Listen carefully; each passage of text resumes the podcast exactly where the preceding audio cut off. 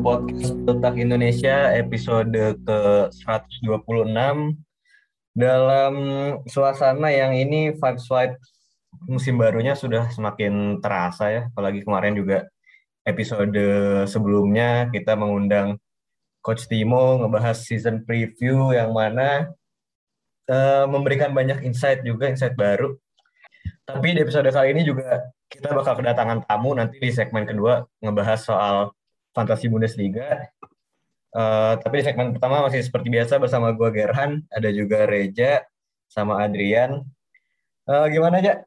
Seminggu terakhir ini kabar yang paling rame nih Messi nih kayaknya nih. gue dari awal Messi kan uh, rame tuh yang ya emang sebenarnya ini udah apa ya nggak nggak seperti tahun lalu gitu kan ketika sangat tidak menyangka gitu kan. Kalau tahun ini kan sebenarnya bisa disangka juga sama fans Barca karena mereka kan dari awal dari sebulan lalu udah muncul berita yang mereka nggak punya duit buat ngontrak Messi kan. Cuman ternyata tetap hype dan uh, kalau dari pelajaran ini sih yang gue bisa ambil ya 50 plus satu sebenarnya bisa uh, mengamankan klub lu sih. Jadi eh, bahkan Barca sama Real Madrid aja bisa kolaps kalau misalnya eh, penanganan finansialnya nggak secara matang gitu gitu. Ya bang bener-bener hancur banget ya emang kayaknya 50 plus 1 paling sustainable walaupun ya tetap ada minusnya juga sih. Kalau gimana Dri, kabar lu Dri? Seminggu terakhir mungkin selain berita Messi nih apa yang lo perhatiin? Uh, apa apa lagi ya? Mungkin ini ya, hat trick Erling Haaland ya tuh iya, ternyata masih jago aja dan kayaknya Daniel Malen juga perlahan tapi pasti sudah bisa masuk skemanya Dortmund lah. Jadi semuanya berita baik lah. 60 gol dari 60 pertandingan gokil sih itu udah angka-angkanya Messi sama CR pas lagi pik-piknya tuh kayak gitu tuh. Uh, benar juga DFB Pokal udah mulai minggu ini di minggu ini kita nggak bakal banyak bahas soal Messi, paling di FB Pokal kita juga dikit-dikit aja nih. Kita bakal bahas apa nih ya intinya aja di episode kali ini? Ya, kalau di segmen itu kan tadi udah lu kasih tahu tuh kita bakal ngebahas fantasi Bundesliga dengan uh, eh, DNL fantasi. Cuman sebelum itu kita bakal ngebahas hasil-hasil di FB Pokal kemarin di mana sebenarnya banyak kejutan dan juga transfer-transfer sih ini mulai pengen masuk ke partai pembuka transfer-transfernya juga udah mulai seru-seru banget sih menurut gua. Iya udah mulai banyak nama besar tapi juga di DFB Pokal sih kemarin yang justru menurut gue lumayan apa ya menyita perhatian gue lah. Karena beberapa klub ada yang tersingkir klub besar Bundesliga ya. Apa aja ya termasuknya tuh kan ada Eintracht Frankfurt kalah 2-0 terus, terus ada juga ini apa? Greuther Furt yang pertama kali kalah tuh. Di partai hari Jumatnya Greuther Furt kalah sama SV Babelsberg anjir itu tim dari Bangka Belitung mungkin Babel Babelsberg uh, walaupun sebenarnya banyak yang akhirnya lolos juga gitu ya cuman uh, selain tadi tuh ada juga uh, 1860 Munchen ngalahin Darmstadt dari divisi kedua terus Osnabrück ngalahin Werder Bremen dari divisi juga dua juga Bremen kan. Hmm. Cuman yang membuat membuat DFB Pokal putaran pertama ini sangat menarik menurut gua uh, karena kan uh, tim-tim dari divisi kedua dan ketiga ini sebenarnya udah masuk pekan ketiga mereka main reguler kan. Sedangkan tim-tim Bundesliga ini mereka belum punya partai kompetitif makanya menurut gue ini akhirnya jadi match yang sangat seru di balik eh, selain dua tim tadi yang berhasil ngalahin uh, tim Bundesliga ada juga kan yang kayak si Kalzes Jena tuh yang lawan Kon cuman kalah adu penalti. Terus Wolfsburg yang yang sampai extra time sampai extra time menang sebenarnya walaupun nanti bakal kita bahas kenapa mereka akhirnya bisa nggak lolos. Terus kayak Hertha Berlin baru gol menit 91 Davi Selke terus Mainz juga cuman menang adu penalti lawan Elversberg. Jadi ini emang jadi ujian yang sangat berat buat tim-tim Bundesliga sebelum uh, mereka masuk ke Bundesliga. Ya sialnya sih yang kayak Greuther sama si Frankfurt sih akhirnya mereka harus gugur karena ketidaksiapan tadi kan. Iya, satu lagi yang mungkin luput lu bahas ini Victoria Köln juga kemarin menyulitkan Hoffenheim nih sampai 120 menit. Cuman ya akhirnya menang juga nih Hoffenheim 3-2. Tapi yang paling menyita perhatian sih selain dari soal match ya, ya ada tadi yang lo bilang tadi sih. Wolfsburg lawan Preußen Munster ini benar-benar kejadian kayak di Liga 1 mungkin liga-liga amatir mungkin sering terjadi nih kayak gini. Kayak Mitra Kukar tiba-tiba masukin Muhammad Sissoko kan tiba-tiba akhirnya dikurangin poin. Nah kemarin nih Wolfsburg uh, masuk enam pemain substitusi gitu. Jadi harusnya cuma lima tapi karena ada miskom sih sebenarnya sama match official katanya sih pihak Wolfsburgnya udah nanya apakah boleh nih kita masukin enam pemain gitu pemain ketiga di extra time. Terus si match officialnya tuh kayak ngebolehin aja tapi dia tetap nyatet kalau itu memang sebuah pelanggaran. Itu kan agak agak aneh ya. Gue jadi bingung juga sih uh, siapa yang salah sebenarnya di sini. Kalau menurut tuh siapa dari yang uh, harus disalahkan nih dalam kasus ini? Ya sebenarnya yang sebenarnya uh, yang patut disalahkan jelas Wolfsburg ya. Karena kalau kita main game aja kan kita tahu kan, oh pemain A udah masuk, pemain B udah masuk. Jadi misalkan sisa berapa kan kita bisa ngitung. Nah, hmm. sebenarnya uh, pergantian Wolfsburg ini sebenarnya paling banyak setelah golnya Weghorst. Uh, waktu itu uh, jadi keunggulan Wolfsburg udah 2-1. Jadi ingin mengamankan uh, kemenangan dan juga ingin apa merefresh pemain lah yang udah capek banget dia masukin Sebastian Bornau dan Admir Mehmedi gitu. Nah, cuman yang anehnya kan Wolfsburg ini bukan tim dari benua mana gitu ya yang yang nggak tahu aturan gitu ya. Ini juga aneh gitu. Udah tahu salah tetap nanya sama officialnya. Mungkin officialnya juga mau ngeprank gue juga nggak tahu ya. Cuman ini hal yang aneh sih dan dan gimana pun juga kan pokal ini apa salah satu gelar yang bergengsi lah dan posisinya Wolfsburg sudah unggul nggak masuk di akal sih keputusan Wolfsburg untuk maksain masukin pergantian sampai enam kali padahal dibolehinnya cuma lima kali gitu. Ya sebenarnya untuk nyalahin match official juga sebenarnya bisa aja sih karena kan bisa juga iya. mereka juga bukan seharusnya bukan kewajibannya dia juga untuk ingetin gitu tapi ya mau gimana lagi juga sih. Menurut lu gimana aja ya gue setuju sih sama Adri.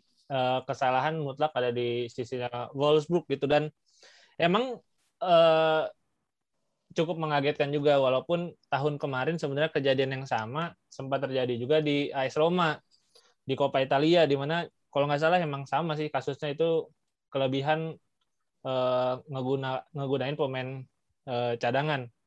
Terus mungkin kalau kita tarik ke belakang yang kasusnya si Soko di Mitra Kukar yang akhirnya bikin uh, Bali United gagal juara tuh di Liga Indonesia. Jadi uh, apa ya peraturan ibaratnya kan ini sebenarnya udah dilakukan di ada namanya manager meeting atau technical meeting kan di setiap kompetisi.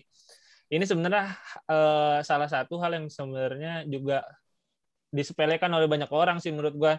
Kayak misalnya yang kayak undian uh, Liga Champions tuh yang petinggi-petinggi klub datang kan itu sebenarnya terlihat hanya mengundi sebenarnya di balik itu kan ada peraturan yang harus disepakati dan lain-lain. Jadi uh, manajer manajerial yang kayak gini yang sering akhirnya terlewatkan karena sebenarnya ini kan juga bukan kejadian pertama di Wolfsburg walaupun mungkin udah lama banget 2004 ya Ger ya.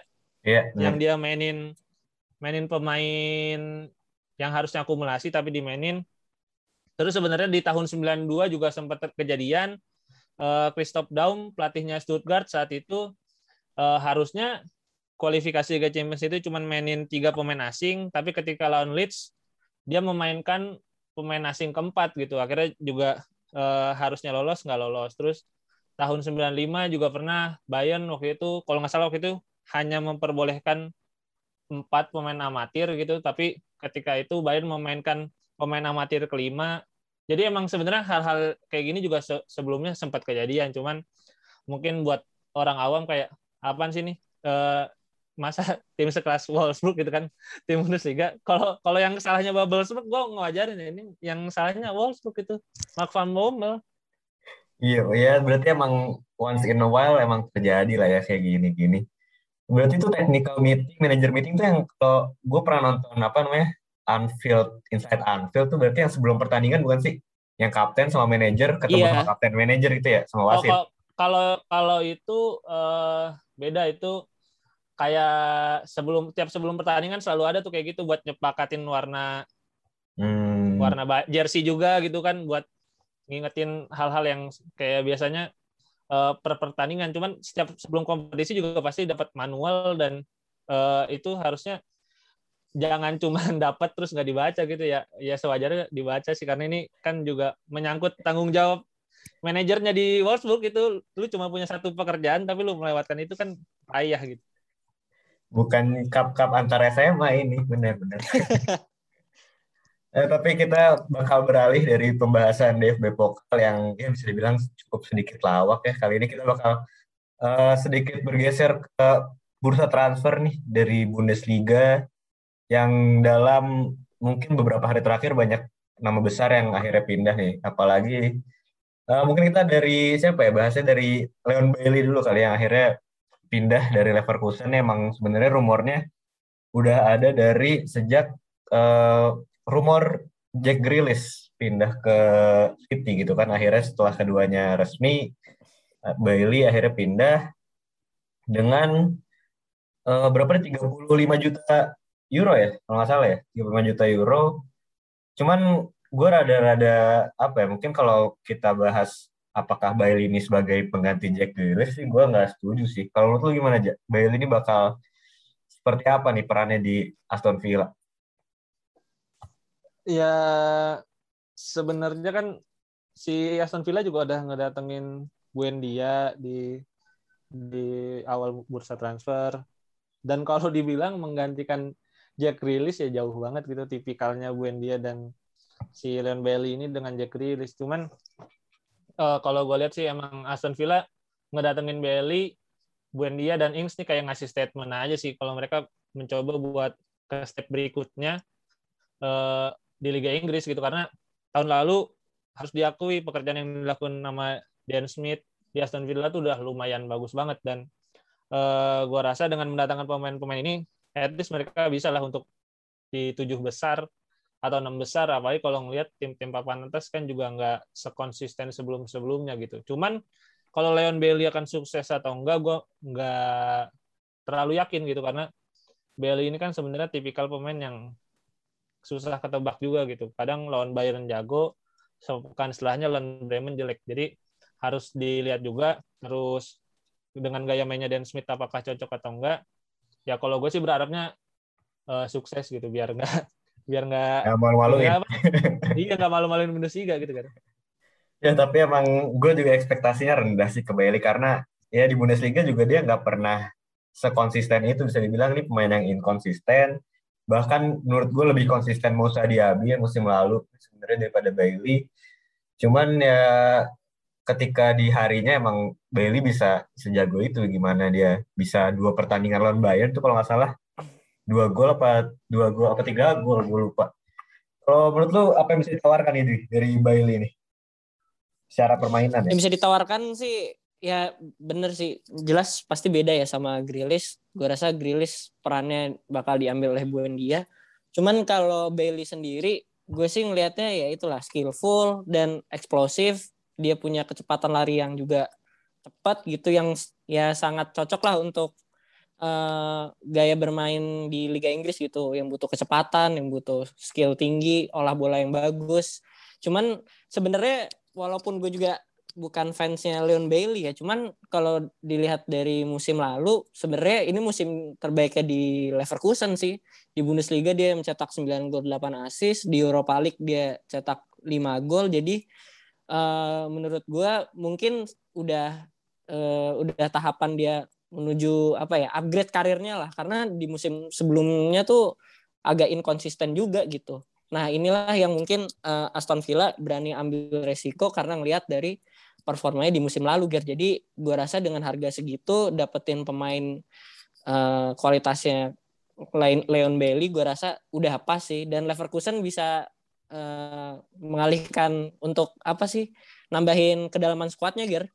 Hmm, ya benar karena juga banyak udah ada winger-winger lain ya El Ghazi terus ada juga siapa lagi sih Traore. Bertrand Traore. Trezeguet juga ada tuh Trezeguet. benar. Tapi Leverkusen ini bukan satu-satunya uh, klub Bundesliga yang di apa ya dicomot lah pemain-pemainnya nih. Jadi emang klub PL nih melemahkan liga lain berarti. Soalnya nih soalnya bukan hanya klub ya, liga ya. Norwich saja bahkan melemahkan uh, Werder Bremen setelah mendatangkan Rasika dia akhirnya mendatangkan Joe Sargen nih. Uh, pemain yang juga cepat juga sama kayak Bailey cuman itu doang sih kesamaannya cepat doang. Skillful enggak menurut gue gue juga sebenarnya biasa aja. Gue juga gak ngerti sih kenapa Sargen dipilih uh, sama si Daniel Farke nih. Karena kalau gue lihat sih yang ditawarkan Sargen nih cuman modal lari uh, ngotot jago pressing dan banyak banget yang harus diimprove gitu uh, dan harganya juga 11 juta menurut gue ini overpriced sih kalau menurut lu gimana datangnya Sargen ke Norwich nih? Uh, kalau dibilang overpriced sih menurut gue masih dalam kisaran angka yang lumayan wajar sih 11 juta euro buat pemain yang masih muda gitu. Jadi emang yang dibayar bukan kemampuannya saat ini tapi potensinya di saat yang akan datang gitu. Uh, menurut gue Josh Sargen nih apa ya? Entah antara dia nggak cocok gitu dengan Florian Kohfeldt yang bermain terlalu defensif atau mungkin uh, ngerinya justru stagnan gitu. Cuman kalau gue sih ngeliat masih ada potensi dalam diri Josh Sargen, apalagi yang paling penting sih dari work work rate-nya dia dulu aja gitu. Karena kalau pemain muda work rate-nya udah jelek, biasanya susah buat berkembang. Nah Josh Sargen ini masih punya itu gitu. Jadi kalau kita lihat Norwich City tim yang juga sebenarnya kan uh, bakal punya tantangan berat banget gitu buat bertahan di Premier League musim depan. Uh, Sorgen ini bisa jadi salah satu sosok yang uh, ibaratnya mengimprove skuadnya Norwich sih bareng si Milot Rasika. Justru gue sebenarnya sangat uh, menunggu-nunggu aksi Milot Rasika dibandingkan Joe Sargen kalau di Norwich. Tapi emang apa ya? Mungkin ada yang bilang juga soalnya Sargen ini belum tentu masuk skema utamanya karena kan Sargen posisi naturalnya adalah striker gitu. Sementara Norwich ini masih mengandalkan Timo Pukki. Cuman emang di Bremen dalam dua pertandingan terakhir nih dia main oke okay juga di winger. Menurut lu gimana nih dengan Sargen ke Norwich apakah dia bakal main di winger atau di striker kayak Josip Dermik yang jadi pelapis di dua musim yang lalu. Gimana dari menurut lu? Aduh, gue agak bingung ya karena uh, pengalaman gue nonton Werder nih, Joe Sargen nih kayak kebanyakan lari-lari doang gitu, Ger. Jadi gue gak pernah melihat apa ya, ibaratnya keahlian terbaiknya dia gitu. Cuman uh, karena main di winger ternyata bisa lebih bagus dan uh, di apa di Norwich juga sebenarnya tidak begitu banyak opsi yang ada gitu selain Rasika ada Onel Hernandez ya kalau nggak salah pemain keturunan Jerman sama Placeta or, orang Polandia selain itu nggak ada yang sebenarnya posisi murni di sayap gitu. Jadi kalaupun uh, Daniel Farke lebih percaya sama Adam Idah untuk uh, ngecover Temu Puki, gue rasa Joe Sargen nggak ada masalah lah. Toh dia pindah ke Inggris juga uh, prospeknya pasti untuk ibaratnya nggak langsung jadi main starter gitu. Pasti dia bakal dari bangku cadangan dulu dan mungkin bakal dikasih di Carabao Cup atau FA Cup gitu biar jadi gue rasa kita harus lihat performanya Temu Puki juga untuk nentuin Sargen cocoknya bakal main mainkan peran yang mana gitu biar. Apalagi Puki juga udah gimana gimana? Sebenarnya ini sebenarnya uh, Norwich tuh uh, juga punya penyerang asal Amerika Serikat didatangkan dari Oh, Bundesliga tapi, juga tapi ya, gagal. Bener. Sebastian Soto, lu tau nggak yeah, sekarang yeah. gimana? Gimana dia? Dipinjemin ke FC Porto B. ya emang berarti track record agak kurang baik juga setelah Temo Pukin yang pernah main Bundesliga kan Josip Dermik juga nggak ngapa-ngapain gitu. Cuman kalau kita lihat sih Pukin kan sekarang udah 30 tahun. Misalnya uh, Norwich turun lagi sih kayaknya bakal bisa naik nih sih harga nih kalau gue nggak nggak begitu nunggu, nunggu turun lagi gue nggak begitu pede ini sih soalnya Norwich bakal stay soalnya kan dia tim yang yo-yo gitu Uh, berita transfer terakhir datang dari Eintracht Frankfurt. Ini baru banget kayak kita rekaman sejam atau dua jam sebelum ini baru resmi. Jens Peter Haag dari AC Milan ini berarti dalam tiga musim terakhir ya, udah ada perekrutan dari antara Milan sama Eintracht nih, tiga nih. Andre Silva, Ante Rebic, sama yang sekarang Jens Peter Hak. Dan Peter Hak ini di dipinjem doang sih, tapi ada buyout clause-nya di akhir musim. Menurut lu gimana aja? Ini apakah pembelian yang uh, pintar gitu dari antara Frankfurt? Karena kan ini emang tipikal Frankfurt banget lah, transfernya minjem dulu, itu punya buyout gitu. Uh, hal ini kan sebenarnya didatangkan untuk ngisi posisi gelandang serang di belakang striker ya.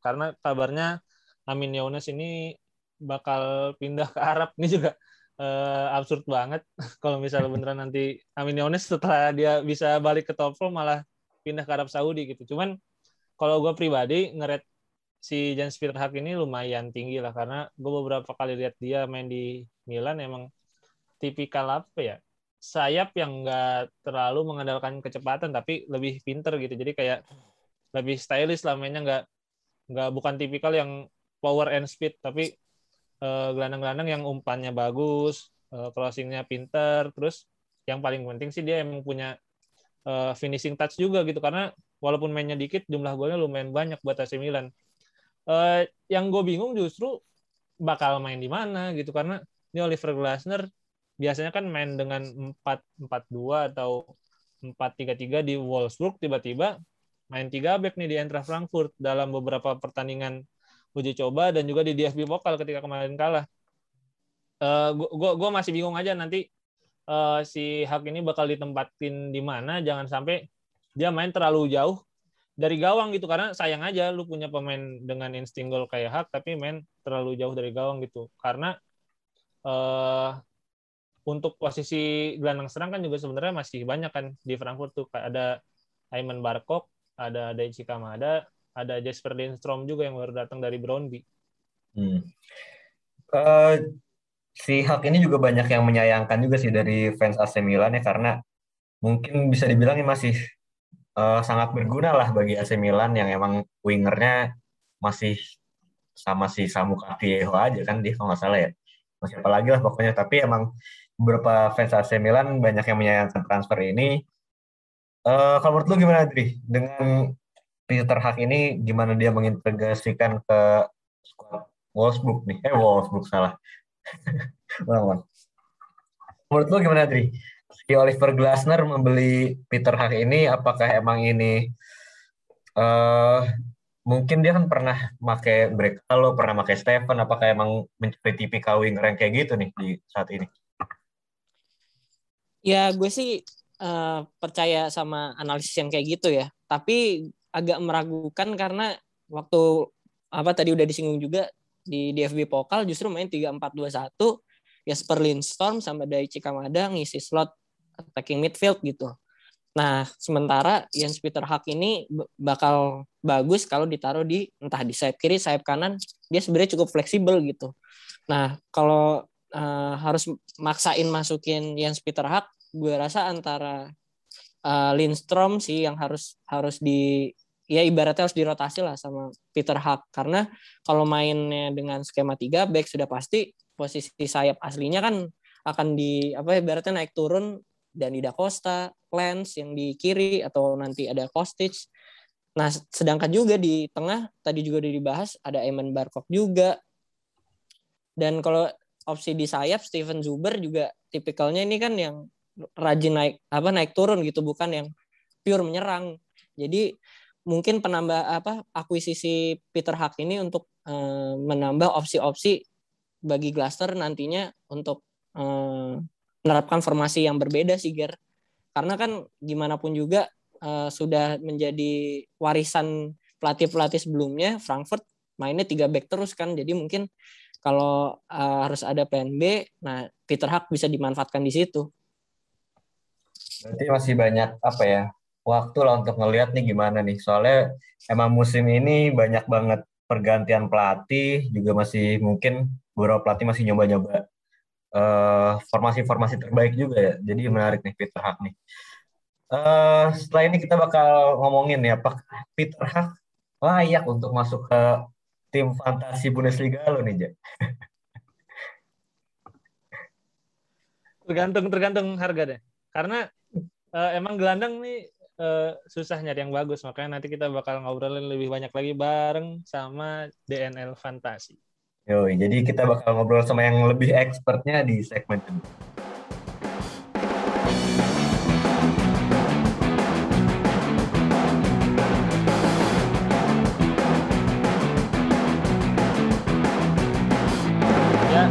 seperti yang sudah dijanjikan sejak awal, di segmen kedua ini kita kedatangan uh, legendnya fantasi Bundesliga sedunia ini. Kalau ini akhirnya. udah diakui dunia kali ya? Iya, udah diakui dunia. Uh, kita kedatangan Mas Aldo Sahala dari DNFL Fantasi. Sebenarnya gue juga udah uh, lihat-lihat juga Mas Aldo nih ya terkenal juga bukan terkenal apa maksudnya sudah lama berkecimpung di dunia perfantasian di Indonesia juga, Mas ya? Iya, betul. Uh, uh. Jadi udah main Fantasy Premier League, lalu Women World Cup juga pernah. Women Terus, ada ya? Women. Ada Women. Women itu tunggu ya saya cek tahun 2019. Oh, ada fantasinya juga baru tahu. Iya, ada fantasinya juga. Itu untungnya peringkat 97 dunia. Terus kemarin juga Olimpik Fantasi juga ada. Kayaknya Olimpik Mas Olimpik Fantasi kasih tahu Mas, peringkat berapa Mas Gerhan belum tahu ini. Peringkat 5 dunia. Oh, gokil, gokil. Peringkat peringkat 5 dunia, gue 105, peringkat 2 di Indonesia. Oh, lo main, lo main juga? Iya. Gak, gak ngerti gue. Emang unik itu istilahnya, istilahnya uh, sistem penghitungannya, skornya unik istilahnya. Makanya istilahnya senang lihat uh, berbagai macam game fantasi yang dengan berbagai sistem. Salah satu contohnya ya apa fantasi Bundesliga ini istilahnya. Sistemnya beda cuman, dengan Cuman lu nemu yang paling unik apa Mas sudah nih sejauh ini ya gitu. Nemu yang paling aneh lah gitu. Kalau yang paling aneh, yang paling aneh mungkin di Olimpik Fantasi kemarin ini istilahnya, karena kayak benar-benar disuruh nyari yang pembeda gitu kan istilahnya kan harus nyari yang di bawah satu persen kepemilikannya atau yang lima bawah lima persen. Istilahnya kita kayak rebut-rebutan jadinya kan istilahnya rebut-rebutan mau milih yang atlet ini rebutan atlet ini. Itu jadi kayak pengalaman beda sendiri. Kayak kemarin tuh istilahnya uh, saya apa kan nung, uh, deadline-nya kan jam 4, 4 pagi ya, 4 pagi waktu Indonesia. Nunggu sampai jam 3 pagi itu pada persentase pemainnya itu masih 0,56 persen. Tapi pas udah mau mendekati jam 4 pagi langsung naik 1,18. Itu berubah istilah jadinya. Jadi emang emang bukan masalah doang gitu ya yang menyeriuskan fantasi ini banyak banget sampai menunggu deadline deadline mepet banget tuh baru pada transfer dan juga yeah. termasuk yang menyeriuskan fantasi Bundesliga ini mas. Nah eh, kenapa sih ini ini unik banget gitu kan DNL fantasi ini tiba-tiba muncul gitu sebagai salah satu wadah buat orang-orang menseriuskan fantasi Bundesliga gitu karena kan banyaknya orang-orang tuh masih terpaku sama fantasi Premier League aja nih mas. Hmm.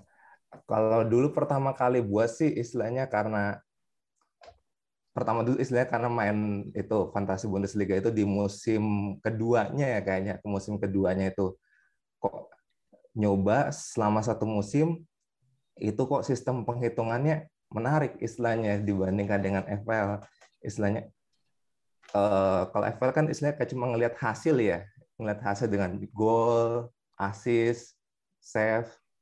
Yang lain-lain nanti dihitung emang juga dihitung. Cuma tapi kan dihitung nanti ke bonus poin. Nah kalau bedanya sendiri sama fantasi Bundesliga kan bisa dilihat hampir semuanya ya dihitung dari uh, percobaan tembakan umpan kunci terus menang duel terus menang apakah timnya menang atau kalah itu juga beda sendiri poinnya terus kalau skornya uh, bisa nyetak hat trick itu beda sendiri. Makanya itu yang jadi istilah pembedanya antara fantasi Bundesliga sama FPL. Jadi ini ya, kayak sebenarnya lebih mirip kayak mungkin kalau kita pernah main tuh World Cup 2018 tuh agak-agak mirip gini nggak sih ada hitung gini juga? Iya. Ya kan ya World Cup 2018. Misalnya pernah main UCL Fantasi itu juga hampir mirip. Oh iya, jadi lebih ke apa ya? Mungkin kalau FPL kan emang kita ngeset satu tim, udah nih setelah kick off per game pertama kita nggak bisa otak-otak otak-otak lagi kan. Kalau iya. fantasi Bundesliga ini kita lebih prepare subsnya juga, lebih prepare dari statistik siapa yang ngasih kipas lebih banyak, nggak yang duasnya banyak gitu ya. Jadi lebih apa ya? Bisa dibilang lebih gampang juga nggak sih kalau Bundesliga ya? Apa lebih tricky tergantung masing tergantung masing-masing persepsi ya jadi istilahnya. Kalau mungkin ya istilahnya mirip kayak apa polemik uh, bubur diaduk sama bubur nggak diaduk mirip kayak gitu istilahnya FPL tuh istilahnya FPL-nya tuh istilahnya bubur yang nggak diaduk. Langsung udah makan aja udah. Nah kalau hmm. istilahnya Liga tuh bubur yang harus diaduk karena ada prosesnya. Jadi istilahnya ya polemik istilahnya jadi uh, ada yang suka sama yang simpel-simpel aja ada yang lebih suka sama yang uh, lebih kompleks gitu istilahnya. Dengan istilah lebih fleksibel juga bisa ganti-ganti uh, start player yang istilah kapten kalau di FPL itu terus bisa ganti-ganti pemain di bangku cadangan sama di starting eleven.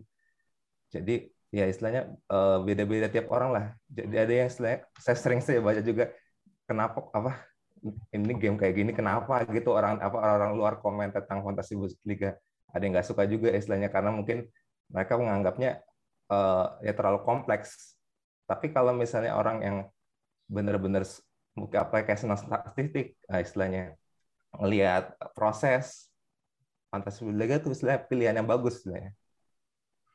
Gitu, kalau ya. kalau lu kan tadi ngebandinginnya bubur ya bang. Eh ya mas. Hmm. Kalau gue nih ngebandinginnya Ronaldo sama Messi kira. Jadi nah, uh, kalau fantasi Premier League nih butuh talenta, jujur. Fantasi Premier League nih butuh uh, kemujuran juga. Terus kayak kadang keajaiban juga kayak pemain yang 5,0-nya itu kan bener-bener selain uh, yang saya kan semuanya sisanya 5 4,5 kan itu hampir mustahil bikin gol ya. Jadi butuh talenta, butuh kemujuran dan emang berbakat hmm. aja gitu main FPL. Kalau main fantasi Bundesliga ini bener-bener harus lu hmm. bangun malam ngeganti ya, dedikasi. gitu. Nah, dedikasi, kayak kayak yeah, Cristiano yeah. Ronaldo gitu kan ibaratnya benar-benar. Kalau gue sih kenapa ngelihatnya ini lebih gampang karena ada Erling Haaland, ada Lewandowski, ada Andre Silva ini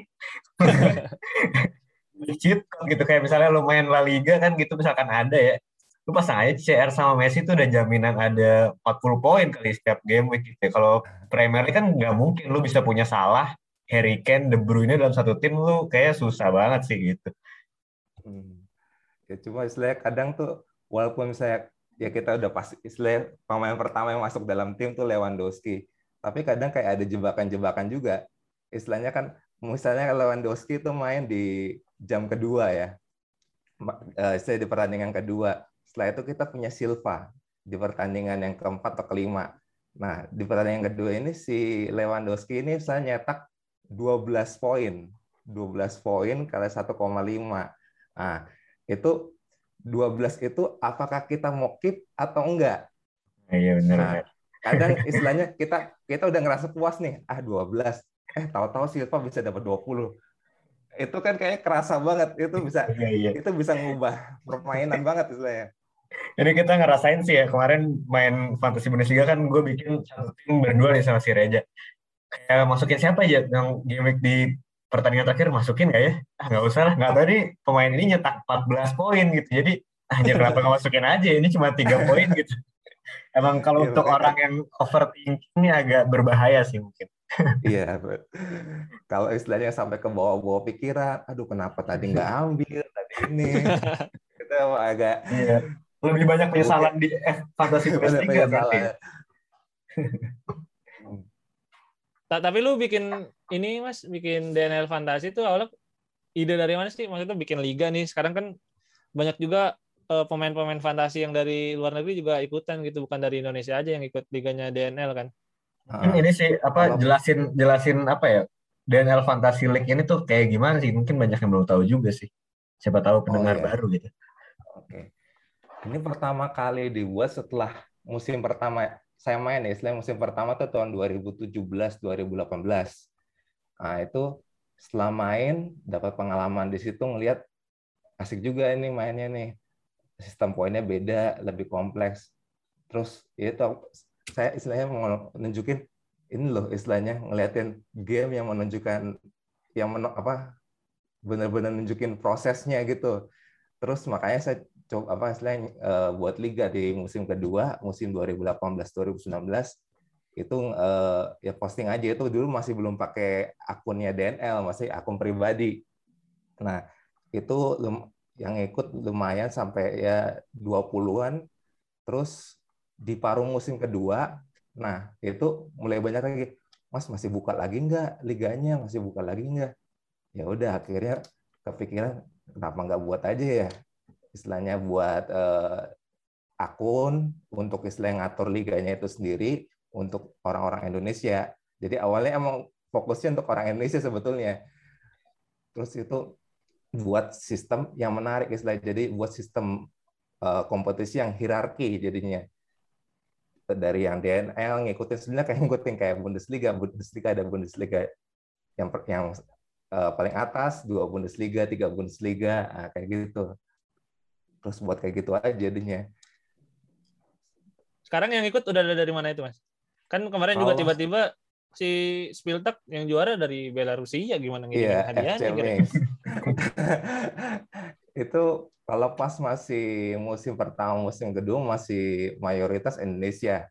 Sampai sekarang juga masih mayoritas Indonesia. Cuma eh, mulai musim ke empat kemarin, empat kemarin tuh setelah yang pas pandemi itu kan sempat ada break itu ya, yang ada eh, Bundesliga break itu, itu apa namanya? Kalau nggak salah eh, Ronan, Ronan Murpian dari Gol itu nge-retweet eh, ada salah satu istilahnya saya yang tentang kayak treat untuk tips eh, pemain baru lah istilahnya apa bedanya FPL itu sama apa Bundesliga Fantasi itu. Nah, dia retweet terus ya itu mulai banyak istilahnya apalagi tambah kan pas pandemi itu kan FPL apa eh, Premier League sendiri kan belum main. Jadi orang-orang yang di luar juga pengen eh, terus kan Bundesliga duluan. Makanya orang-orang jadi pengen tahu oh ada game juga nih eh, Bundesliga fantasinya. Terus mereka nyoba. Terus ada beberapa yang kecantol, ada yang beberapa enggak. Makanya sampai ke saat ini tuh ya eh, ada yang dari Brasil, ada yang dari Bosnia Herzegovina, ada yang dari India. Campur-campur Nasional itu. ya. Yang dari Tapi- yang dari Bosnia Zeko jangan-jangan gitu. Atau ini siapa namanya? Zvezdan Misimovic. Tapi berarti apa ya eh, itu juga jadi titik balik bagi Bundesliga itu sendiri ya karena kalau yang dari penglihatan gue nih udah tiga musim lah kita bikin Spieltag tuh baru ngelihat eh, Bundesliga ngegencarin fantasi Bundesliga tuh kayak baru dua musim terakhir aja dan ini tuh musim ini kayak lagi gencar-gencar nih banyak yang udah mulai ngegandeng fantasi scout Iya. apa-apa gitu kan ya kan Iya, dia mulai ngincar-ngincar istilahnya influencer.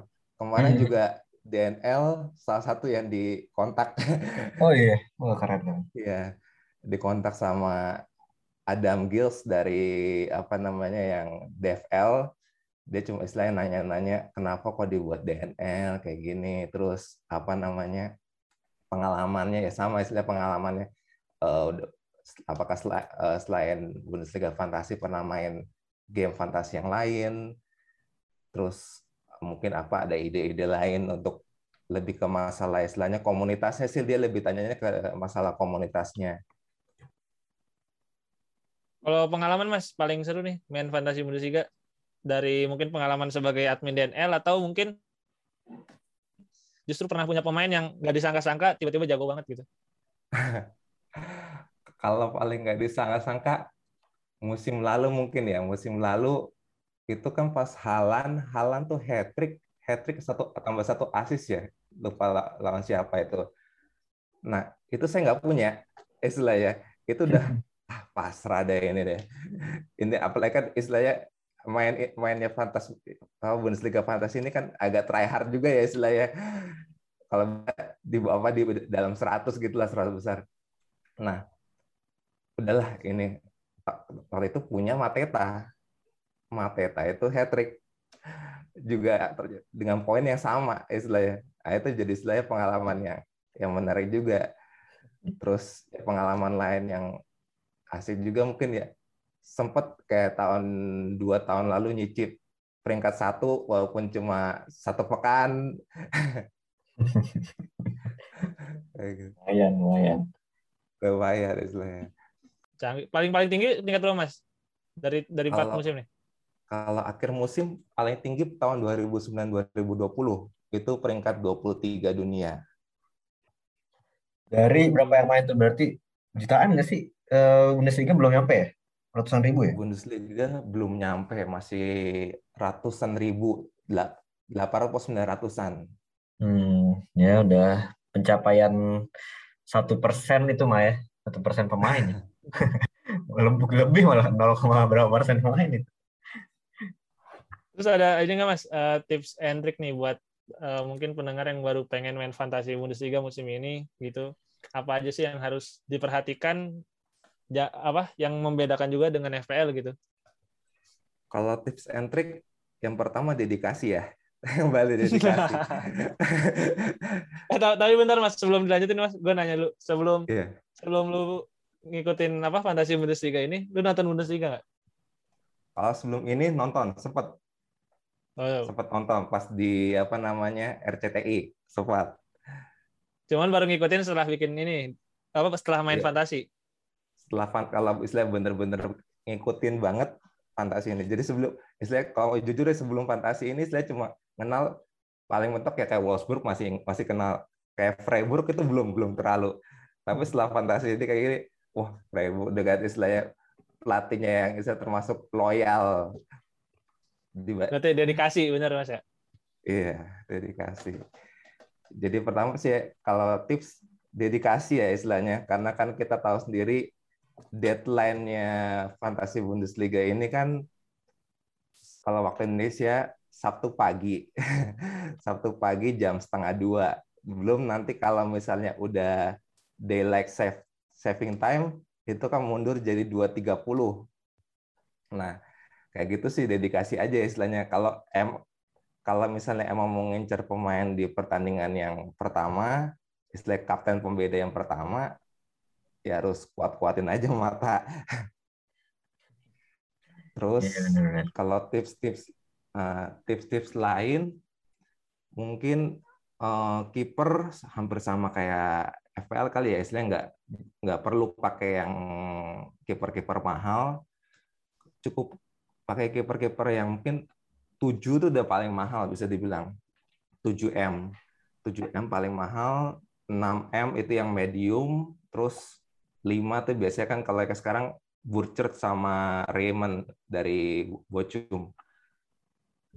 Pilihannya sih paling kayak gitu, kombinasi dari 8, uh, 7, 6, 5 itu. Tapi bisa juga istilahnya kalau mau agak uh, gambling ya istilahnya, cukup misalnya 6M, atau 5M kiper sama satu kiper yang harga 1M. Itu jadi gambling. Jadi kalau misalnya kiper yang utamanya jelek, ya udah. Terima hasil aja. Terus tips yang lain ya harus lihat jam sih istilahnya, jam tanding, jam dan hari tanding. Karena kan istilahnya uh, biasanya dalam satu PSI itu dibagi sampai 4 atau 5 5, 5 jam yang berbeda istilahnya. Jadi eh, ngatur-ngatur aja jadi usahakan jangan terlalu banyak di satu jam yang sama karena kan istilahnya nanti nggak fleksibel mau diganti atau mau eh, pilih pilih star player itu nanti istilahnya agak susah kalau misalnya kayak pertama makanya yang jam kedua itu jam kedua tuh lumayan apa yang tanding kan bisa sampai empat atau lima tim ya istilahnya. Nah, kalau misalnya terlalu banyak di situ udah habis terus dapat poinnya jelek ya udah nggak ada yang bisa istilah diganti-ganti. Itu aja sih istilahnya kalau tips. Terus hmm, kalau awal musim mungkin uh, bisa fokus ke lihat ke pramusim. Terus juga kalau istilah biar ada kayak jaminan poin, istilah milih yang ngambil-ngambil set piece, istilahnya kayak misalnya kalau kayak di Bayern dia pasti Lewandowski penalti, terus kalau kayak di Frankfurt kan ada Kostik yang juga ngambil free kick dan ngambil corner, ya kayak gitu-gitu aja sih istilahnya, hampir sama kayak di FL jadi ngambil istilahnya yang set piece, terus kalau back ngambil mungkin lebih pilihnya yang fullback karena kan mereka juga ikut nyerang. Dibandingkan mungkin yang kalau apa uh, center back. Cuma kalau center back pun ada yang bagus. Sebenarnya contoh kayak musim kemarin Lacroix Lacroix uh, dari Wolfsburg. Kan istilahnya dengan harga murah tapi dia bisa menang duel dan clean sheet. Nah, itu bisa jadi apa? Opsi tersendiri istilahnya. Pemain mungkin ini dikit ya mas. Pemain must have player nih buat musim depan. Must have selain Lewandowski ya iya Lewandowski mah Lewandowski kalau nggak masang Lewandowski ya tanggung resikonya masing-masing kalau masang Lewandowski mungkin selain Lewandowski Halan sama Silva ya mungkin ya biar lebih spesifik lagi dah kalau ngelihat dari pramusim Ngkungku Kunku. Kunku. Back back ada nggak mas back? Kalau back, kalau fit sebenarnya Guerrero sih. Kalau fit, cuma sekarang dia lagi cedera paha, jadi untuk awal musim nggak tahu. Mungkin opsi lainnya ya Angelino. Angelino kan dia juga ngambil di set piece untuk free kick sama corner juga.